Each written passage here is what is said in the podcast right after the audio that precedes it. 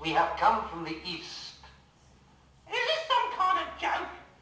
We wish to praise the infant. We must pay homage to him. Homage?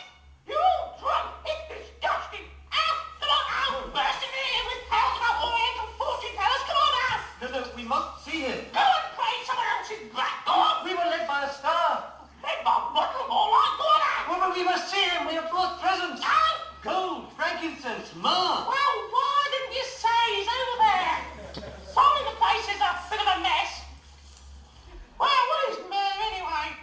It is a valuable barn. A barn? What are you giving him a barn for? We might burn him. What?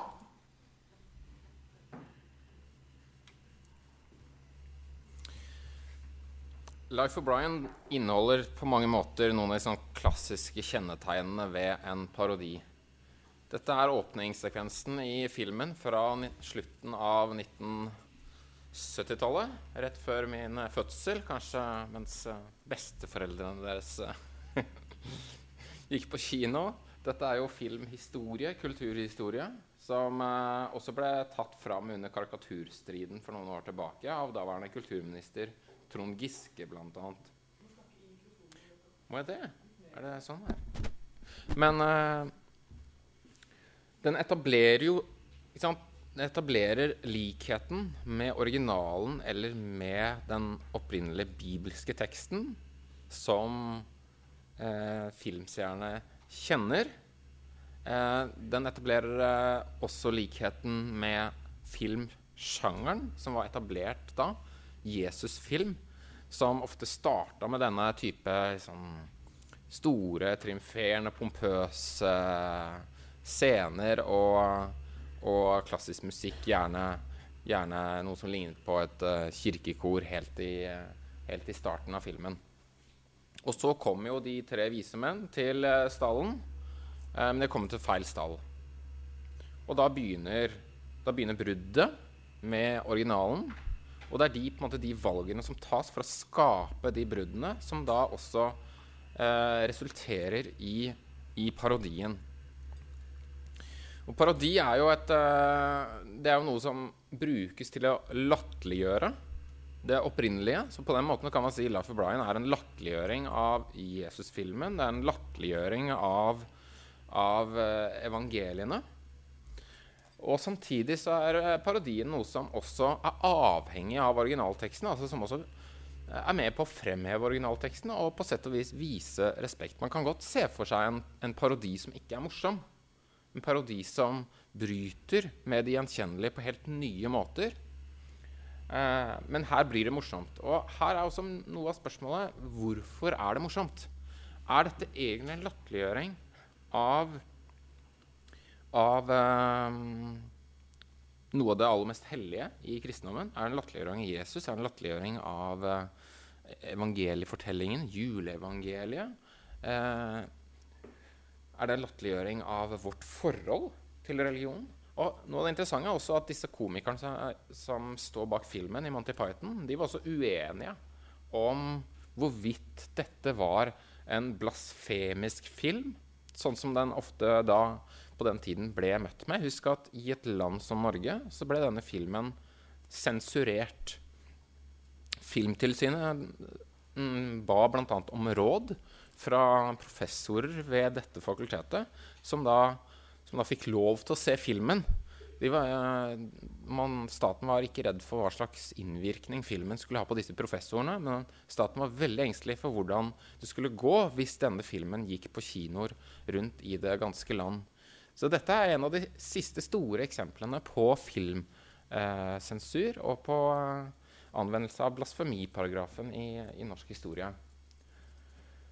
Og, um, og, Norge var på ingen måte det eneste land. Og uh, dette var et kulturelt sjokk på mange måter i, uh, i, uh, i Vesten. Det ble skarpe protester fra etablerte kirkeledere og, og kristne i, i, mange land. Og oppi denne opphetede diskusjonen så, forsvar, så, sa John Cleese at han hadde aldri tenkt på dette som en blasfemi. Han mente at filmen i seg selv gjorde, ga, gjorde, utøvde egentlig en form for respekt overfor Jesus-historien. Fordi den som, si, den som er opphavet til det morsomme her, er jo denne figuren Brian. Brian han snakker engelsk. Han snakker litt sånn arbeiderklasseengelsk med slang. Og for uh, si, seerne så er dette skal vi si, et, på mange måter et gjenkjennelig moderne britisk individ som er kastet inn i en historisk kontekst fra første århundre med sandaler og alle disse kostymene som er gjenkjennelige fra Jesus-filmene, hvor man slett ikke hører hjemme. Og det jo, følges jo opp av disse sterke Messias-forventningene fra de intenst troende menneskene rundt Brian, som hevder at han er Esias, Messias. Han er den utvalgte, han skal gjøre det store osv. Han vil jo ikke dette her. Nei, nei, nei, nei, jeg er ikke den dere har ventet på. ikke sant? Og Der blir det en uh, absurd kontrast mellom dette dramaet som han kastes inn i, og den religiøse tilbedelsen som han blir uh, uh, objekt for. Og John Cleese mente at det var nettopp denne religiøse tilbedelsen som filmen egentlig latterliggjør og angriper. Ikke kristendommen i seg selv, selv om dette ble sett på som et angrep på kristendommen i, i veldig stor grad. Og en film som ble sensurert fordi den eh, gjorde gjøn med det aller helligste. Og det verste var nok eh, bruken av korsfestelsesscenene mot slutten av filmen, med en låt som også ble en stor kommersiell suksess, 'Always Look on the Bright Side of Life'. You know what they say? Some things in life are bad. They can really make you mad. Other things just make you swear and curse. When you're chewing on life's gristle, don't grumble, give a whistle. And this'll help things turn out for the best. Aim. Always look on the bright side of life. Always look on the light side of life.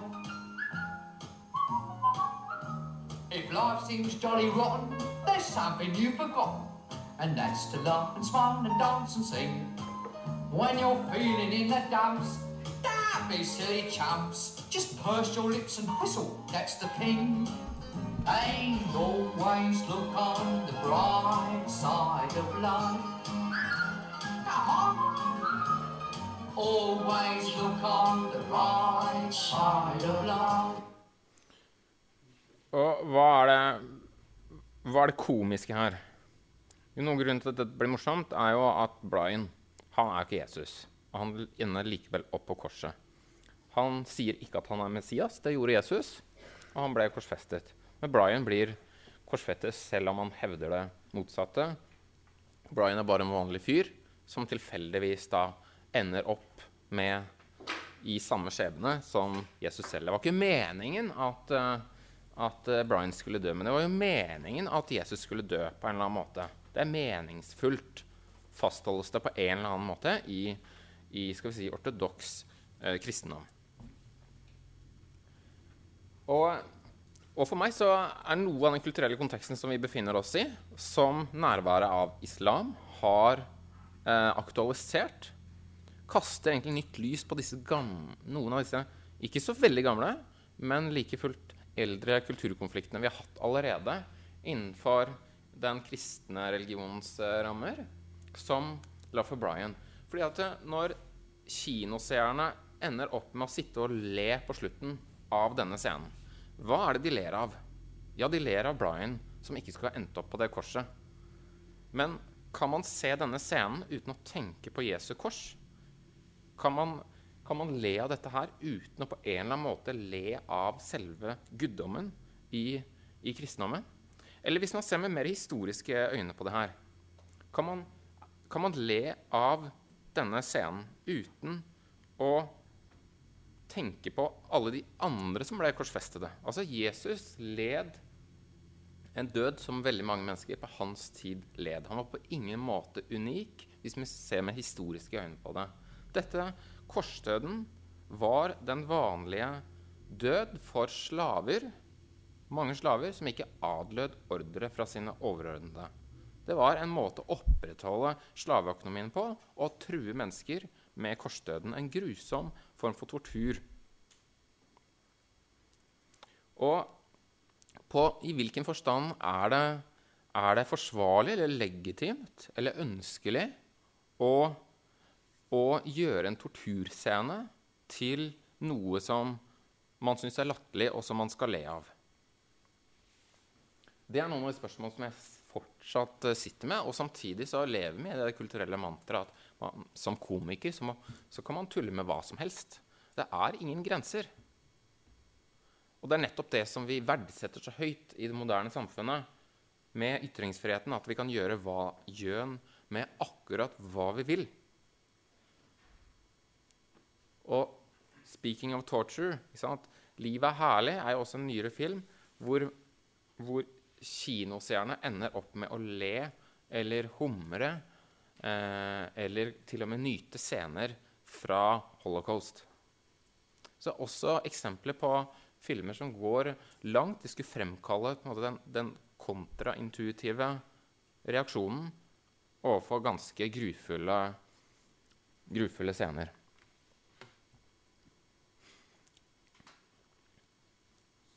Ja?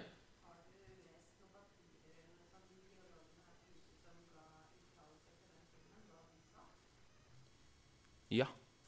Eh, og og eh, Så vidt jeg husker, så var Kjetil Hafstad Inge Lønning med på de filmfremvisningene.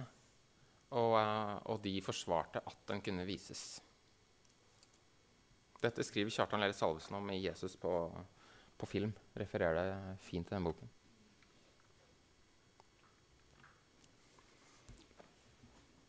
Life of Brian kryssa en grense i 1979 for den norske stat. Men hva gjør den norske stat i dag? Den norske stat tillater at vi ser på The Simpsons. Er dere sjokkert? Simpsons er verdens mest sette animasjonsserie, men ikke bare det. Noe som også er veldig fascinerende med Simpsons for meg som teolog, som prest, er at religion er et av de temaene som aller oftest latterliggjøres i The Simpsons. Det er akkurat som vi lever i en kultur som har et eller annet behov for å komme til rette med og forholde seg til religion gjennom å le av det. Og det syns jeg er interessant. Så har vi South Park. South Park går mye lenger enn Simpsons. Altså, Simpsons fikk en stund uh, beskjed uh, For de er jo på sett og vis også kunstnerisk sett grenseløse i forhold til hva de ønsker å parodiere. Vi hadde jo Homer som uh, Adam her, med den snakkende grisen. Lå i engene i Edens hage og plukket koteletter fra grisen og koste seg. March er jo den som kommer veldig dårlig ut der, fordi at uh, hun får skylda. Det er jo egentlig han, det er Homer, som spiser eplet i versjonen til Simpsons, og ikke kvinnen. Så Simpsons er litt mer sånn kvinnefrigjørende enn Bibelen. da. kanskje det er et skritt lenger. Men uansett, de fikk jo da beskjed, regiforfatterne til Simpson, om å ligge unna Jesus og ligge unna katolikker. Eh, antageligvis av markedshensyn. South Park de brøy seg ikke om det. Men South Park har heller aldri blitt den, skal vi si, den store, samlende serien som eh, familien kan benke seg fast til i stua med popkorn. Eh, South Park treffer mye smalere, er mye mindre økonomisk innbringende. Men treffer også et segment gjennom at den sjokkerer eh, desto mer. Det er mye mer grotesk. Det er mye mer sterke kontraster eh, i forhold til mer subtile kontraster som er i Simpsons. Tenk på all banningen. Jesus er en av hovedfigurene, og så har du den der banningen som, eh, som eh, surrer rundt han eh, hele tiden. Så South Park har på en måte overtatt noe av Monty Pythons rolle i forhold til å bryte grenser. Og samtidig så har også Monty Python på en måte vært med å forberede en et kulturell stemning og, et, en situasjon hvor sånne ting som dette her Dette er 2016. Anne-Kat. Hærland portretterer seg selv som jomfru Maria for, og kaller uh, showet sitt 'Gud bedre'. Altså, dette her er mainstream. Og uh, jeg kunne ikke unngå å legge merke til i stad at det, det var veldig få av dere som lo av den Life of Brian-scenen. Og det er jo antageligvis fordi, eh, fordi dere er så mye yngre at uh, det, er en, uh, det er kulturelle koder som virker helt annerledes i dag. Det er ikke morsomt på den samme måten. Andre ting er morsommere uh, fordi man også beveger seg. Og det sagt Altså, det er ikke bare si, parodierende bruk av hele tekster som selger i den vestlige massekulturen. Eh, du har også eksempler på ganske motsatte, nemlig at en mer sånn for tradisjonell form for eh, ærefrykt og respekt for det hellige, en uvil, notorisk uvilje mot å latterliggjøre, eller ganske enkelt sånn en, en, holdning om at det er en fullstendig fremmed ting å skulle latterliggjøre bibelske tekster. Det finner du bl.a. hos det man kunne kalt dinosaurbandet U2. Dette, dette, er, dette er uh, menn som har holdt på lenge, og som på en måte har blitt både kulturelt og kommersielt sett eh, standardvare ved siden av andre kanoniserte grupper som Stones og Beatles og Pink Floyd osv. Eh, nå skal de på en ny turné, og da skal de spille hele Joshua Tree-albumet sitt fra 1987 i sin helhet. Hele konserten er bare å spille det albumet, som nå er eh, Hva er det? Ja, 30 år gammelt. ikke sant? Enda en måte å liksom opprettholde sin egen status da, ikke sant? og dette albumets status eh, på den internasjonale musikkscenen. Men sånn for en teolog et veldig interessant eksempel på at også en mer tradisjonell religiøs holdning til Bibelen kan selge.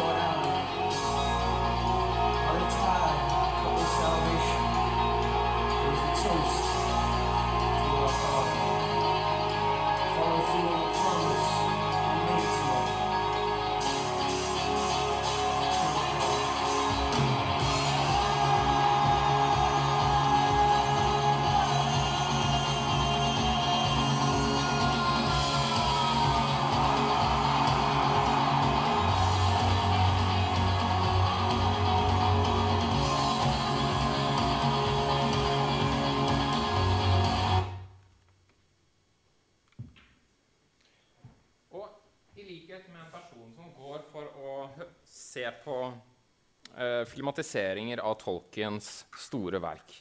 Man går ikke på kino eller på konsert for å, for å eh, møte Bibelen. Og like fullt så er det det man gjør på en eller annen måte. Hva er det Bono her ender opp med å gjøre som en forberedende inngang til på mange måter de dramaturgiske høydepunktene under en av sine konsertturneer, Elevation Tour, i 2001? Jo, han står der og siterer en salme fra Det gamle testamentet. What can I give back to God for the blessings he put out on me? En salme som tilhører lovsangssjangeren. Hovedsakelig kan man dele salmer, opp, salmer i Det gamle testamentet opp i, i klagesalmer og lovsangssalmer. Dette er en sjanger for uttrykket glede og takknemlighet til, til uh, guddommen på norsk. Hva kan jeg gi Herren igjen for alt det gode han gjør? Jeg løfter frelsens beger og påkaller Herrens navn. Jeg oppfyller mine løfter til Herren foran hele hans folk. Dette er jo ren forkynnelse. Altså, mer tradisjonell religion enn dette her er det jo vanskelig å finne. Og på samme tid så skjer jo ikke dette innenfor en kirke. Det skjer på en konsertturné hvor rockemusikken er det kommersielle produktet som gjør at fotballstadioner verden over fylles av mennesker som vil høre musikken til eh, denne gruppa. Og det de får, er altså en, eh, en ganske tradisjonell kristen eh, fromhet. Og U2 er jo også et eksempel på et, et, et band som, som, bruker bibeltekster inni låtene sine. Eh, og skaper sånn sett ny mening ved bibeltekstene eh, gjennom å integrere det i sin egen rockepoesi. Akkurat i denne boka så har jeg sett på hvordan hvordan Bono, er jo først og fremst forfatterne, selv om The Edge har kommet til etter hvert eh, hvordan Bono bruker spesielt Salmenes bok. Eh, for det er et bibelsk skrift han bruker mye til å skrive ut eh, eh sangtekstene for, eh, for låtmaterialet som disse fire lager i, i fellesskapet. Jeg har ikke funnet ett eneste eksempel på at han har gjort noe som ligner på en, en, kritikk av bibelteksten eller en parodi. Det er, det er oppløfting av det bibelske materialet hele veien. Og dette er jo også en artist som måte, liksom, snakker om Den hellige ånd på konsertene. Og, og er veldig, eh, veldig eksplisitt på at Gud er til stede, og dette gjør han for å ære Gud osv. Det er en form for, form for uh, moderne lovsang som likevel er pakket inn på en måte som gjør at U2 ikke uten videre kan avfeies som bare en sånn kristent band. De er bare der for å forkynne, fordi også deres eh, musikalske kvaliteter er, er eh, anerkjent på, en, eh, på, samme måte som om det skulle vært Coldplay eller band som Oasis eller Pink Floyd osv. Han, han uttaler seg til intervju om akkurat dette tidspunktet i konserten, hvor han sier «We can be in the middle of the worst gig in our lives. But when we go into that song, everything changes. The audience is on its feet, singing along with every word. It's like God suddenly walks through the room. It's the point where craft ends and spirit begins. How else do you explain it? Og dette er jo også konserter som U2 ofte har avslutta med låta 40, som kommer fra albumet i, fra 1983, hvor musikkjournalister satt lenge og lurte på hva er dette 40 for noe. Eh, helt til eh, noen etter hvert fant ut at det var et ren Refrenget der er en avskrift av Salme 40 i, uh, i Det gamle testamentet. Og som også er en typisk sånn all, en, en sang som blir sånn allsangs... Eh, Eh, medium for, eh, for, publikum. Som kanskje sjelden ville funnet på å sette sine ben i en kirke, men som står der og synger en gammeltestamentlig hymne på oppfordring fra en eh, moderne musikkartist. Vi trekker også fram Johnny Cash eh, som, en, som en artist som i noen tilfeller måtte, Her ser vi et eksempel på det. Metter sangpoesien sin med bibelske bilder. Eh, Bob Dylans 'All Along the Watchtower' er også et annet eksempel på, på, dette her. Hvordan man metter en tekst med så mange bibelske bilder og på en måte får det, får det til å funke musikalsk. Altså, den er jo en uh, veldig veldig populær eh, låt. Men si, altså, hva, hva, mener Johnny Cash med dette her? Hva er innholdet? Altså, det her ender opp i dels ganske eh, uforståelige sammenstillinger av uttrykk som igjen da blir rimelig flertydige og, og, og vanskelig å, å tolke.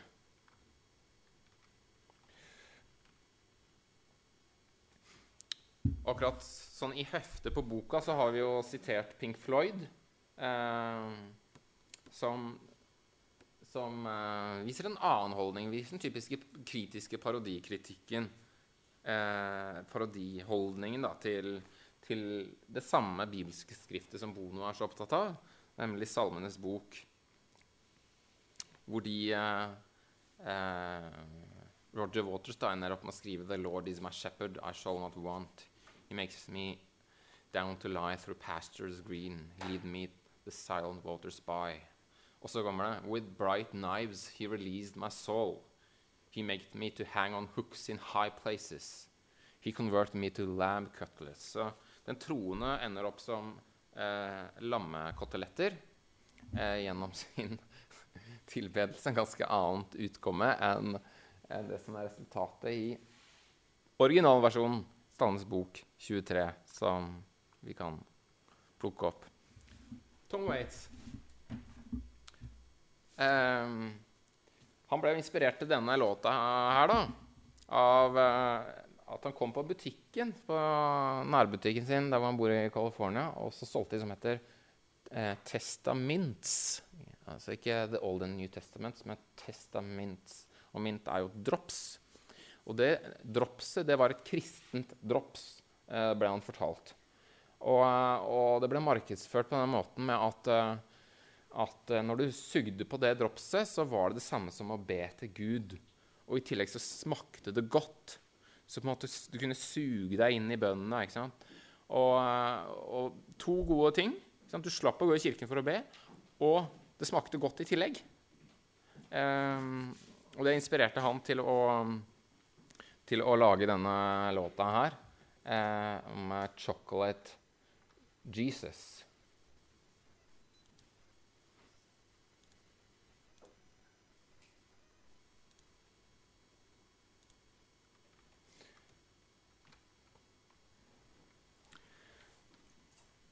Vi skal forhåpentligvis litt tilbake til hiphop, men aller først Supermann.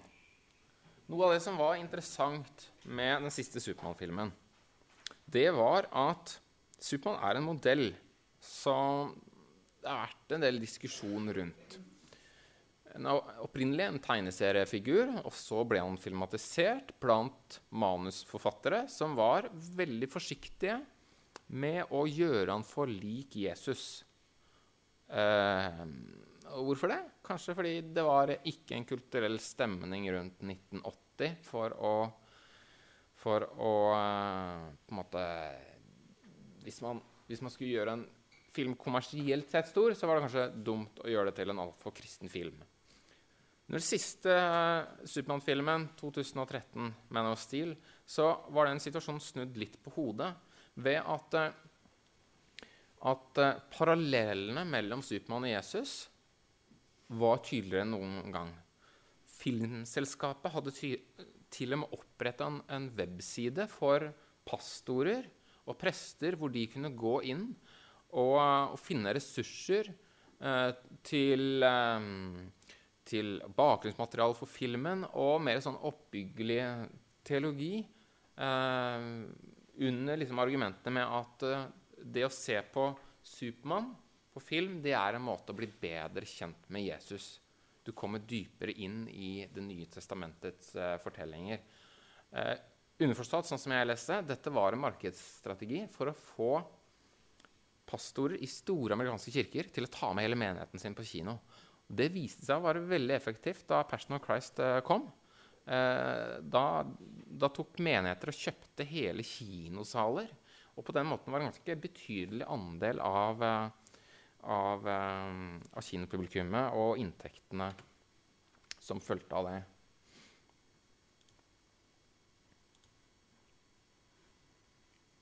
Når man ser på traileren, så er det på en måte det er vanskelig å nekte for de religiøse undertonene her.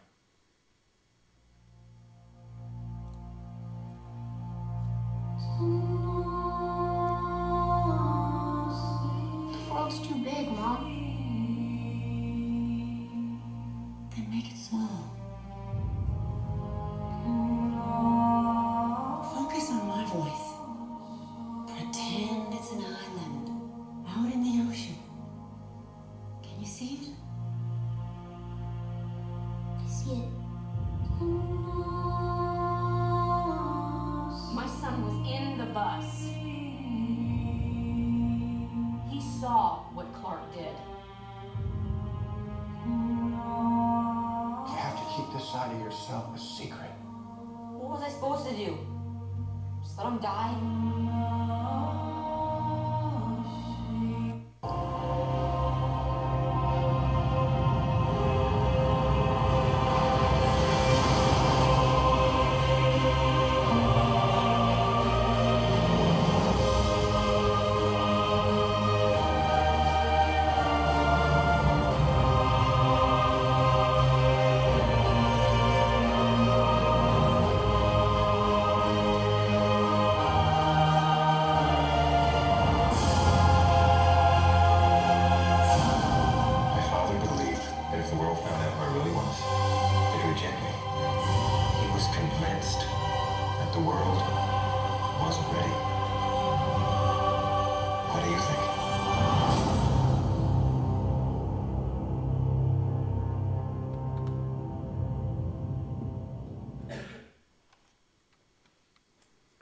Altså Supermann, der er der er det ingen uh, lek og ingen latterliggjøring av det bibelske. Der er det Den pakkes inn som en kristen film. Det er dødsens alvor. Og heller ikke i historien og filmatiseringen av uh, Supermann er på en måte uh, noe, noe ironi som, som kommuniseres. Sånn at disse, disse parallellene og likhetene mellom Jesus og, og Supermann kommuniseres eksplisitt, og de kommuniseres med måte, all tyngde som Hollywood kan, kan uh, komme opp med alle, alle virkemidler. Og så er det jo selvfølgelig da noen eh, spørsmål som dukker opp, som andre også tar opp innad i populærkulturen, bl.a. South Park, nemlig liksom disse forsøkene på å gjøre Jesus til en sånn form for superhelt, f.eks. gjennom Supermann-figuren. Er det ikke noe ganske sånn Er det egentlig troverdig? Altså, Fungerer det? Og er det ikke også veldig lett å gjøre narr av? Hva si? Ehm, det som også ligger under her, er jo at Passion of Christ ble også mottatt og tolket som en film hvor en eh, regissør, Mel Gibson, som hadde jobbet innenfor actionsjangeren, nå gikk løs på Jesus-historien og på mange måter brukte elementer fra actionsjangeren til å lage en Jesus-film, eller brukte elementer fra skrekkfilmsjangeren. Det er også noe veldig interessant med Passion of Christ, at han tar opp sånn veldig tydelige skrekkfilmvirkemidler, som også har vært en del av Hollywood, hvor filmer fra særlig 70-tallet, 'Eksorsisten' f.eks., har etablert Hollywoods forhold til religion som en form for eh, noe som best kan uttrykkes eh, gjennom skrekkfilm. Og man får noe av det samme utfordringen her, altså med eh, 'Passion of Christ'. Så hvor Nå er selvfølgelig litt for mange oppe.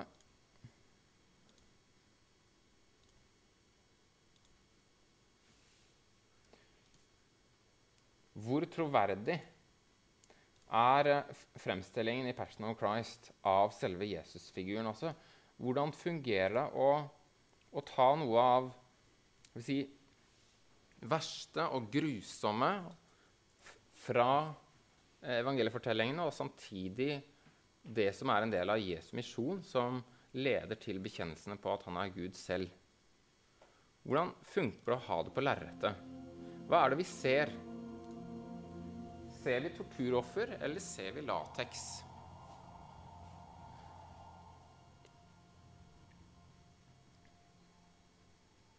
Ser vi en troverdig historie, eller ser vi filmatiske virkemidler som snarere enn å underbygge reduserer noe av mystikken og dybden i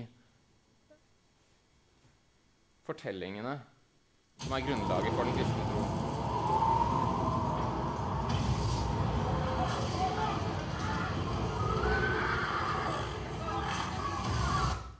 her er utfordringen noe av det samme som liksom, all form for religiøs tale. At, at man kjenner jo til virkemidlene. Du, du kjenner til sjangere. Du, du vet at film ikke er ekte. Og samtidig skal dette være den mest ekte og den mest realistiske fremstillingen som skal gjøre folk til troende, ifølge pastor som tar med eller menigheten sin, eller ifølge Mel Gibson. Og så topper man dette med Supermann-sjangeren. Family Guy er jo en eh, animasjonsserie som eh, i likhet med South Park tar tak i det som er, og som eh, drar det litt mer ned på jorda i forhold til disse pompøse In the year 33 AD, The Messiah! He's gone! Where did he go?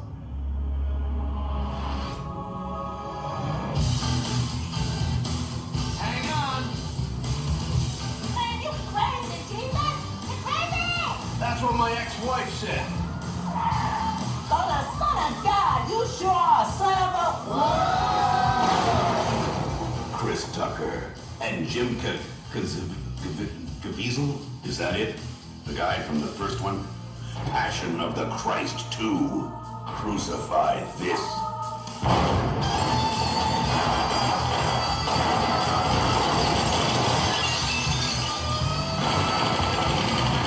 You know how to use one of these? You know how to use one of these? This July, let he who is without sin kick the first ass.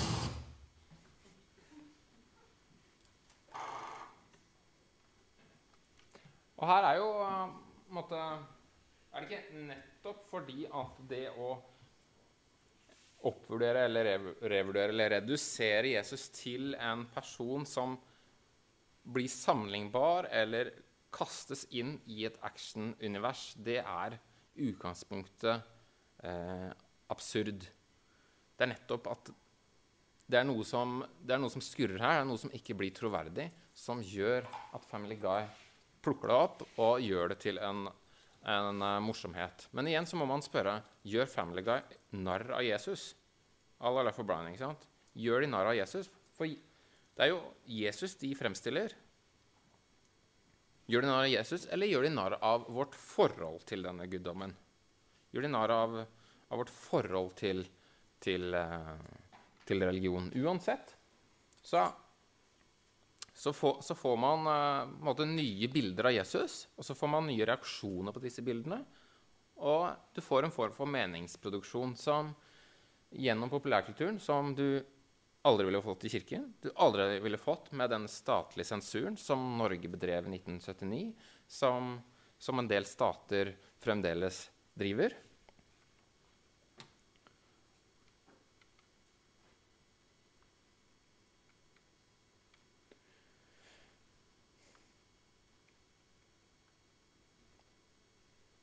Ja, jeg tror vi skal ta et annet eksempel på en form for En form for bruk av religion som kan sammenlignes med disse satirene som vi snakker om. Og det er en, en form som ikke bærer preg av bonus tradisjonelle ydmyk, ydmykhet og gudsfrykt. Ikke organiserte kirkesamfunnenes tradisjonelle gudstilbedelse. Men igjen en noe mer sånn skruppelløs, skamløs bruk av de sentrale eller desentrale motiver fra kristendommen for å selge, for å gjøre en gimmick, for å markedsføre seg selv. Og hva blir resultatet?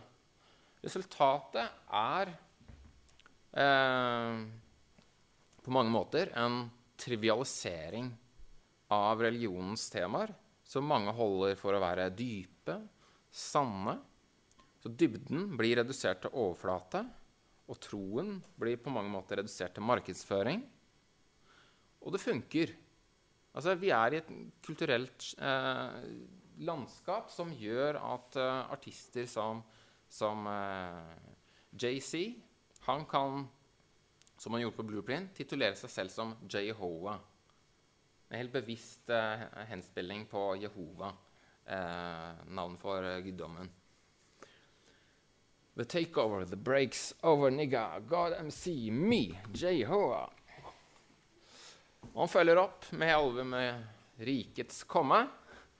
Så Der noen vil høre 'Fader vår', så uh, uttrykk fra 'Fader vår' i Matteusevangeliet, så, uh, så får vi i stedet riket.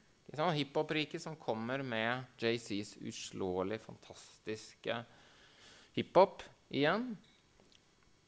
Noe som på forhånd var dybde, blir overflate, blir trivialisert, det blir gjort salgbart. Og foreldrene advares nede til venstre, da.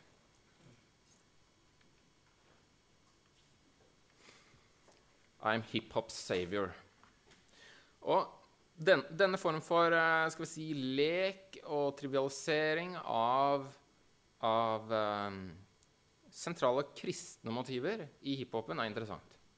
Fordi hiphopen i sin tidlige fase, da den var en mindre salgbar undergrunnskultur, eh, også delvis politisk protestkultur i, eh, i 1970-80-tallets USA.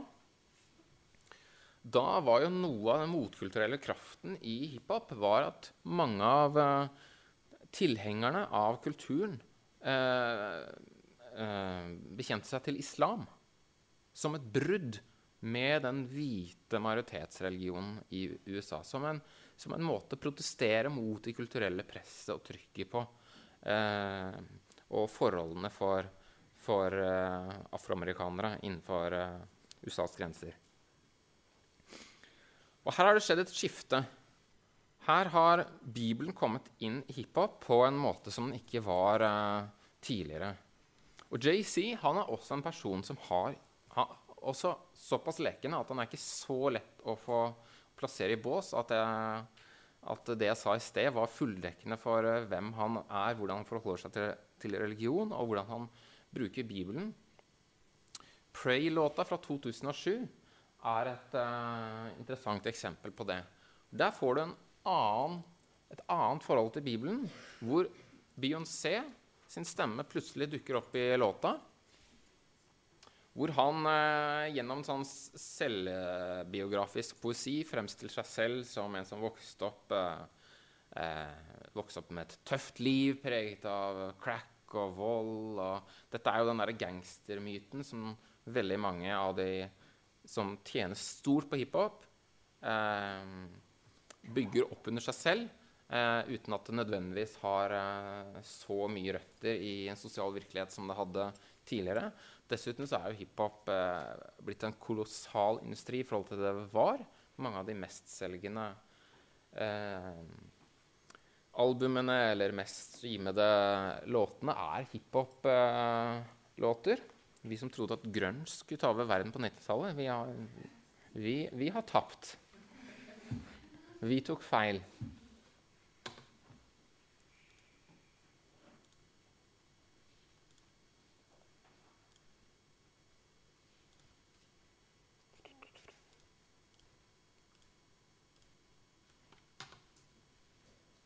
Hør på dette.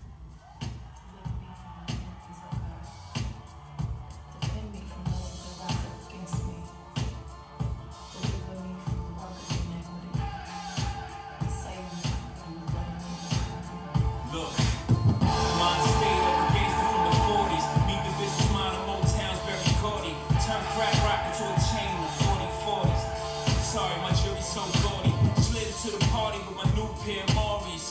America meet the games of Sean Corey. Hey, yo, world, wanna hear a story? Close your eyes and you can pretend you're me. I cut from the cloth for the Kennedys. Frank Sinatra having dinner with the Genevieve. This is the genesis of the nemesis. Mother of America's not witnesses. The Harlem Renaissance birth black businesses. This is the tale of lost innocence. As the incense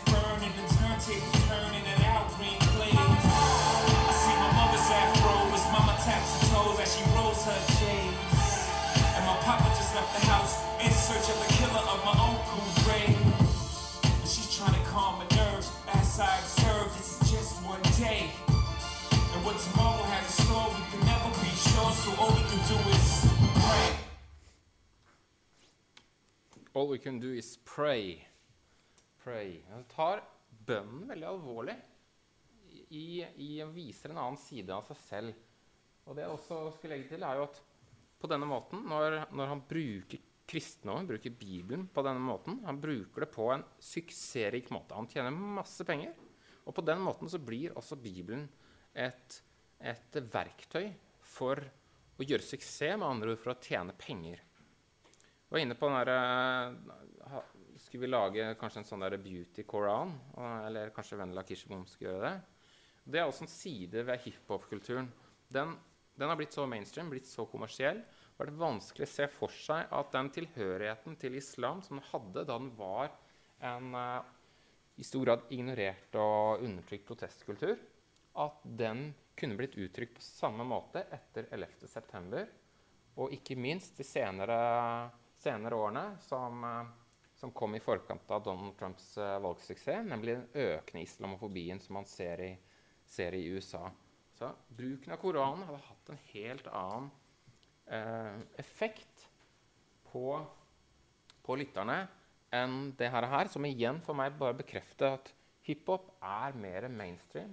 Det er mer kommersielt. Det er mindre eh, kraft til å protestere mot eh, dominerende tendenser i, i USA enn eh, en det denne kulturen opprinnelig eh, viste, og sånn sett også viser hvordan skal vi si, noe som er i randsonen av populærkulturen, som har en form for eh,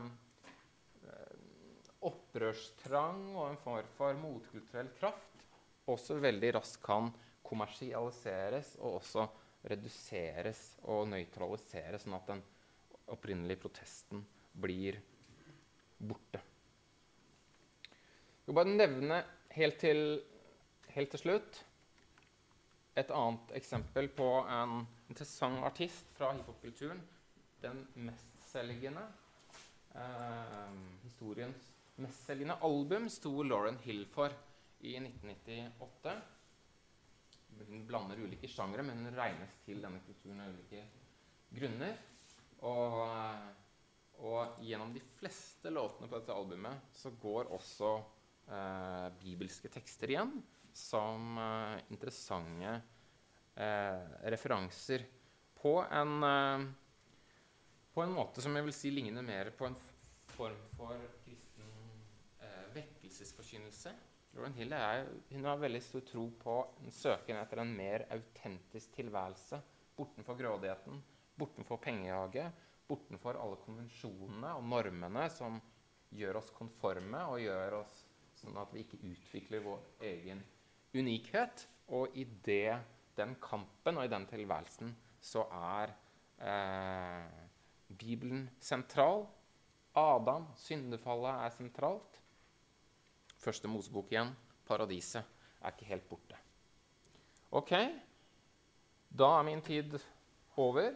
Og jeg skal ha noen gruppetimer med dere. Og når dere kommer dit, så er det veldig fint om flest mulig ha med en, en uh, bibel i veska eller i hånden. Takk for oppmerksomheten.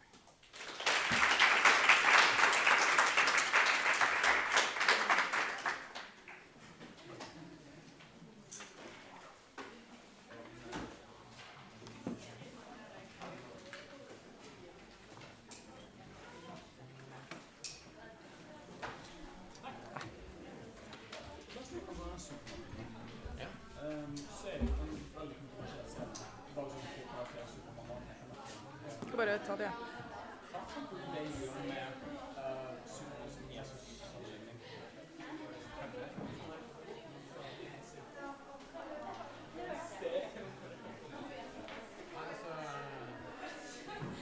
Det skjer også med noen. Det er kanskje at det som